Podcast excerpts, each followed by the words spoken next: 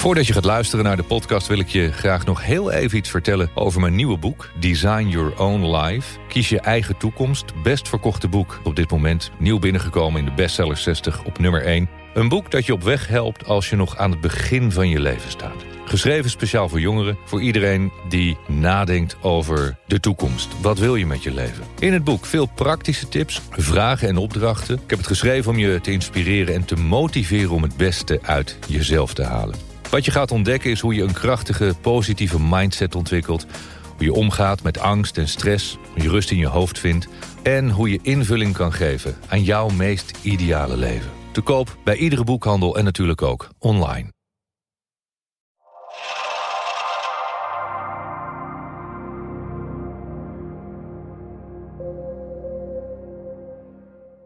Je geeft aan dat Just Do It. Um, oh, dit is leuk. Je geeft aan Just Do It. En tegelijkertijd bestudeer hetgeen je wilt bereiken en calculeer je risico's. Dat lijkt een beetje in tegenspraak met elkaar. Hoe moet ik dat zien? Nou, ik zeg dat niet tegelijk. Dat hoor je mij niet zeggen. Ik zeg niet uh, just do it en calculeer je risico. Je moet wel goed luisteren. Er zit ook een volgorde in. Ik zeg eerst, je moet een doel stellen. Je moet een voorbeeld hebben. En dan onderzoek en calculeer je risico. Als je weet wat je wilt gaan doen, je gaat een plannetje maken van wat heb ik dan nodig? Wat moet ik allemaal doen om dat te gaan bereiken? Wie heb ik daarbij nodig? Dan ga je onderzoeken van wat is je concurrentie? Wat is het risico dat het fout gaat? Wat zou er fout kunnen gaan? Wat kan ik dan doen om te voorkomen dat dat fout gaat? En als je dat hebt gedaan, dan begin je. Dan is het een kwestie van just do it. Ik ken toevallig iemand die is al twee jaar bezig met onderzoeken hoe ze gaat starten, met haar bedrijf. Ja, je hoort het goed. Iemand is al twee jaar bezig met het onderzoeken hoe ze gaat starten met haar bedrijf. Er had een onderzoekje gedaan. Toen kwam ze een keer bij me, toen zei ze, wat vind je ervan? Ik zeg, nou, volgens mij is het goed, je kan beginnen. Nou, zegt ze, ik weet het toch niet helemaal zeker. Ik ga toch nog eens een keertje checken, nakijken, beter onderzoek doen. Ik wil toch echt heel erg zeker weten, misschien dat ik mijn plan nog een beetje ga bijstellen. En inmiddels is ze al twee jaar bezig met haar plannen bijstellen en onderzoeken. En ze is nog steeds niet gestart. In dat geval zeg ik, move before you're ready. wat, wat Cindy en ik doen, is we hebben een idee, we onderzoeken het even, we kijken wat de beste manier is en dan beginnen we. En soms beginnen we te snel, maar je, je ontdekt snel genoeg als je eenmaal onderweg bent waar het fout gaat en dan kun je bijsturen. Het heeft geen zin om maar te blijven wachten totdat je zeker weet dat het allemaal goed is voordat je gaat beginnen. Het gaat veel te lang duren. Waarschijnlijk word je ingehaald door andere concurrenten of door de tijd. Dus ik zeg niet tegelijkertijd just do it en je moet het onderzoeken. Begin met je einddoel. Uh, weten wat je wilt. En wel een goed voorbeeld. Um, Anne van de Moments of Light. Anne had, uh, ik ontmoette haar toevallig uh, vorig jaar tijdens het uh, vrouw-vriendinnenweekend in de Eemhof. Toen mocht ik haar spreken. En Anne stond daar met haar moeder. En ze verkocht kaarsen. Mooie kaarsen en ook massagekaarsen. Moments of Light. En onlangs zagen we dat al die producten van Anne, die kaarsen, te koop zijn bij de Bijenkorf.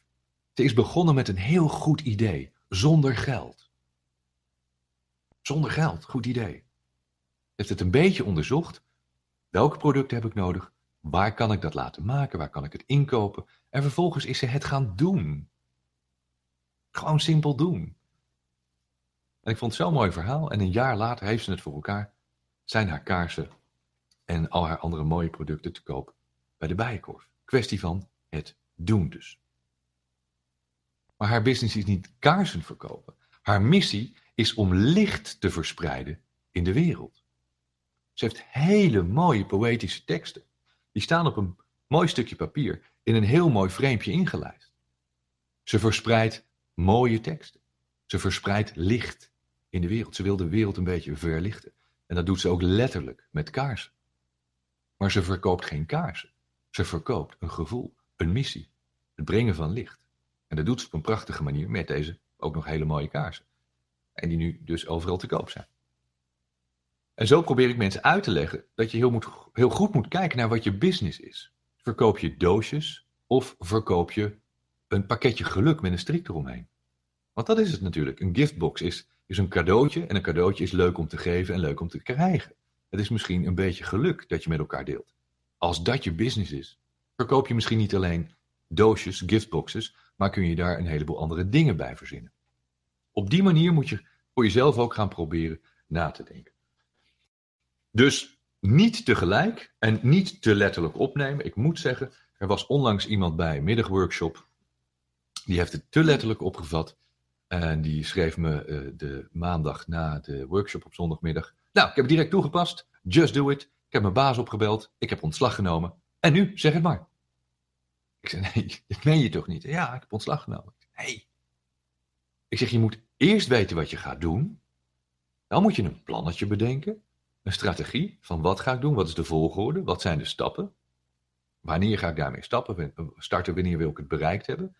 En daarna pas ga je je baan opzeggen. Je gaat niet direct je baan opzeggen voordat je een idee hebt. Dat is niet zo heel erg slim. Op welke manier kan ik mijn schuldgevoel van mijn echtscheiding een positieve plek geven? Oké. Het gebeurt vaker dat je iets hebt meegemaakt in je leven en dan wil je dat een plek geven. Je hebt een relatie, althans die had je.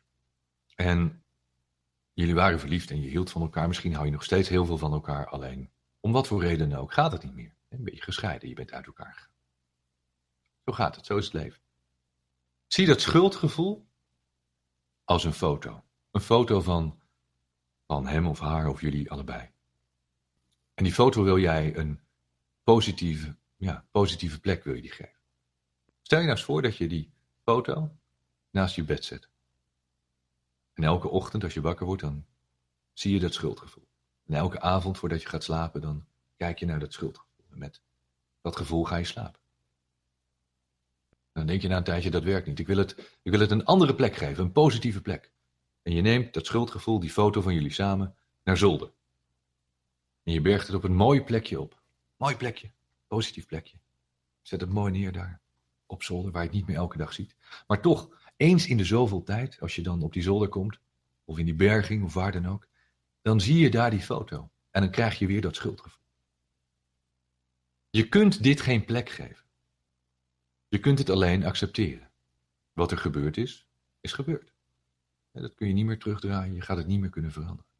Accepteer het. Door het te accepteren laat je het los. En wat je feitelijk moet doen is die foto pakken, dat schuldgevoel, vuilniszak strikt eromheen en je zet hem aan de weg. En dan wordt hij opgehaald door de heren die het vuil komen ophalen of iemand anders neemt je schuldgevoel mee en die gaat ermee vandoor. Maar dan ben jij er vanaf. Acceptatie betekent loslaten. En ik kan me voorstellen dat er nu mensen zijn die denken: ja, maar zo makkelijk is dat niet. Je hoort mij niet zeggen dat het makkelijk is. Maar wat is je andere keuze? Ermee door blijven lopen. En dat is niet wat je wilt. Dus je moet die keuze maken. Accepteren. En wat je nog beter kunt doen, is vergeven. Vergeef elkaar. Je houdt van elkaar. Je hield in, elk geval ooit van elkaar. En je spreekt het hardop uit. Je zegt, ik vergeef je. En ik vergeef jou. Laten we elkaar vergeven wat er gebeurd is. Ik wens jou jouw mooiste leven. En dat doe ik ook bij jou. En vanaf dat moment, als je dat doet, zul je merken dat je vrij bent. Dat je ieders een eigen weg gaat en dat je daar verder niet meer zo heel veel last van hebt.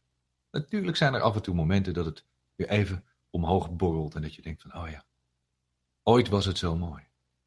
En dan doet het misschien even pijn als je ontdekt dat je die mooie momenten niet meer hebt nu, die je niet meer beleeft. Maar je moet dat los kunnen laten, voordat je ruimte hebt voor nieuwe mooie momenten. Zolang je dit schuldgevoel vasthoudt, kun je nooit gelukkig worden, worden met niemand. Laat het los. Accepteer het en vergeef elkaar. De enige manier. De vraag is: hoe ga je om hoe reset je je conditionering in het onbewuste? Je kunt je conditionering niet echt resetten. Je moet jezelf gaan herprogrammeren. Uh, je hebt een doel. Oh, dit is mooi. Je hebt een doel en toch zit er ergens een kleine gedachte die in de weg zit. Je hebt een doel en dat wil je heel graag gaan bereiken. En toch zit er ergens nog een kleine gedachte in de weg. Ik ga je vertellen. Die gedachte is niet klein. Het is een flatgebouw van 20 kilometer breed en 40 verdiepingen hoog. Dat zit jou in de weg. Als je namelijk een kleine gedachte hebt die jou in de weg zit, zo'n kleine gedachte, dan kijk je eromheen en dan ga je door. Of als een bulldozer ga je eroverheen. Maar wat jou in de weg zit is zo groot dat het je gaat stoppen. Kan ik voelen. Dus je moet ontdekken, en ik denk dat jij wel weet wat het is, dat je het identificeert. Je moet het erkennen dat het bestaat. En dan kun je eraan gaan werken. Je kunt alleen maar aan pijn werken en pijn uit je systeem verdrijven als je het eerst erkent en dan accepteert. Net zoals dat schuldgevoel van die scheiding van die meneer of mevrouw. Je moet het herkennen en daarna moet je het gaan herprogrammeren. Ik ga het heel kort uitleggen. In de basis. Ons lichaam is een heel klein gedeelte van ons zijn. Een heel klein gedeelte van ons lichaam zijn onze hersenen. Het is maar een heel klein stukje dat in ons hoofd zit, dat zijn onze hersenen. De hersenen zijn onderdeel van ons lichaam. Onze mind, onze geest, onze spiritualiteit, als je het zo wil noemen, is een energieveld. Dat vele malen groter is dan ons lichaam en ons, onze brein. Vele malen groter. En dat is ons bewustzijn. The mind hier. Dan heb je ook nog het onderbewustzijn. Dat nog, nog vele malen groter is. Een heel groot energieveld om ons heen. En ergens in dat energieveld moet je iets herprogrammeren. Kort uitleggen. Laten we zeggen, in je brein, in je hoofd zit een processor, kleine processor net als met je computer. Vergelijk het met de computer. De processor. Dan heb je het werkgeheugen. Het werkgeheugen, je ratio, uh, waarmee je kunt denken. En vervolgens is er een heel groot gedeelte, dat veel grotere gedeelte, bijna oneindig groot. En dat is de harde schijf. Een harde schijf van 100.000 miljoen terabyte. Waar alles is opgeslagen wat je tot nu toe hebt gehoord, gelezen, van anderen hebt gehoord, wat anderen je wijs hebben gemaakt. Al die input van buitenaf, van andere mensen. De mensen om je heen. En daarom zeg ik altijd, wees voorzichtig met wie je omgaat. Naar wie je luistert. Je wordt het gemiddelde van de mensen met wie je het meest omgaat. En al die bullshit, al die kennis en al die ellende. nieuws, televisie. Nieuws, televisie, alles. alles. Weet je, films. Alle ellende die je mee hebt gemaakt. Die je ook gewoon tot je neemt. Via social media, online, kranten. Heb je allemaal in dat onderbewustzijn opgeslagen. Stel je nou eens voor dat je een waanzinnig hoog IQ, hebt. Je hebt een IQ van 165. Dat is hoog. Je hebt een geweldige processor, de allerbeste, nieuwste Intel. Ding ratelt, nou echt niet te geloven. Je hebt een werkgeheugen, helemaal top. Je hebt een waanzinnige computer. Maar daaronder hangt een harde schijf waar echt alleen maar shit zit. Virussen. Dan gaat die geweldig goede processor met het prachtige werkgeheugen gaat aan de slag met bullshit. En dat is wat bij de meeste mensen gebeurt. Je gaat de bullshit verwerken en daar ga je het beste van maken. Je krijgt alleen andere bullshit. Je hebt het in de kliko geflikkerd en nu komt het eruit. Garbage in, garbage out. Dus je moet gaan herkennen waar de missing link zit. Waar de verkeerde software in jezelf zit. En net als met je computer en je mobiel moet je af en toe die software updaten. Ja, en het is bij ons niet anders. Je moet herkennen wat er fout is aan jezelf. Dat moet je gewoon toegeven. Hé, hey, dit gaat niet goed. Dit stukje in mezelf, van mijn software, moet ik gaan veranderen.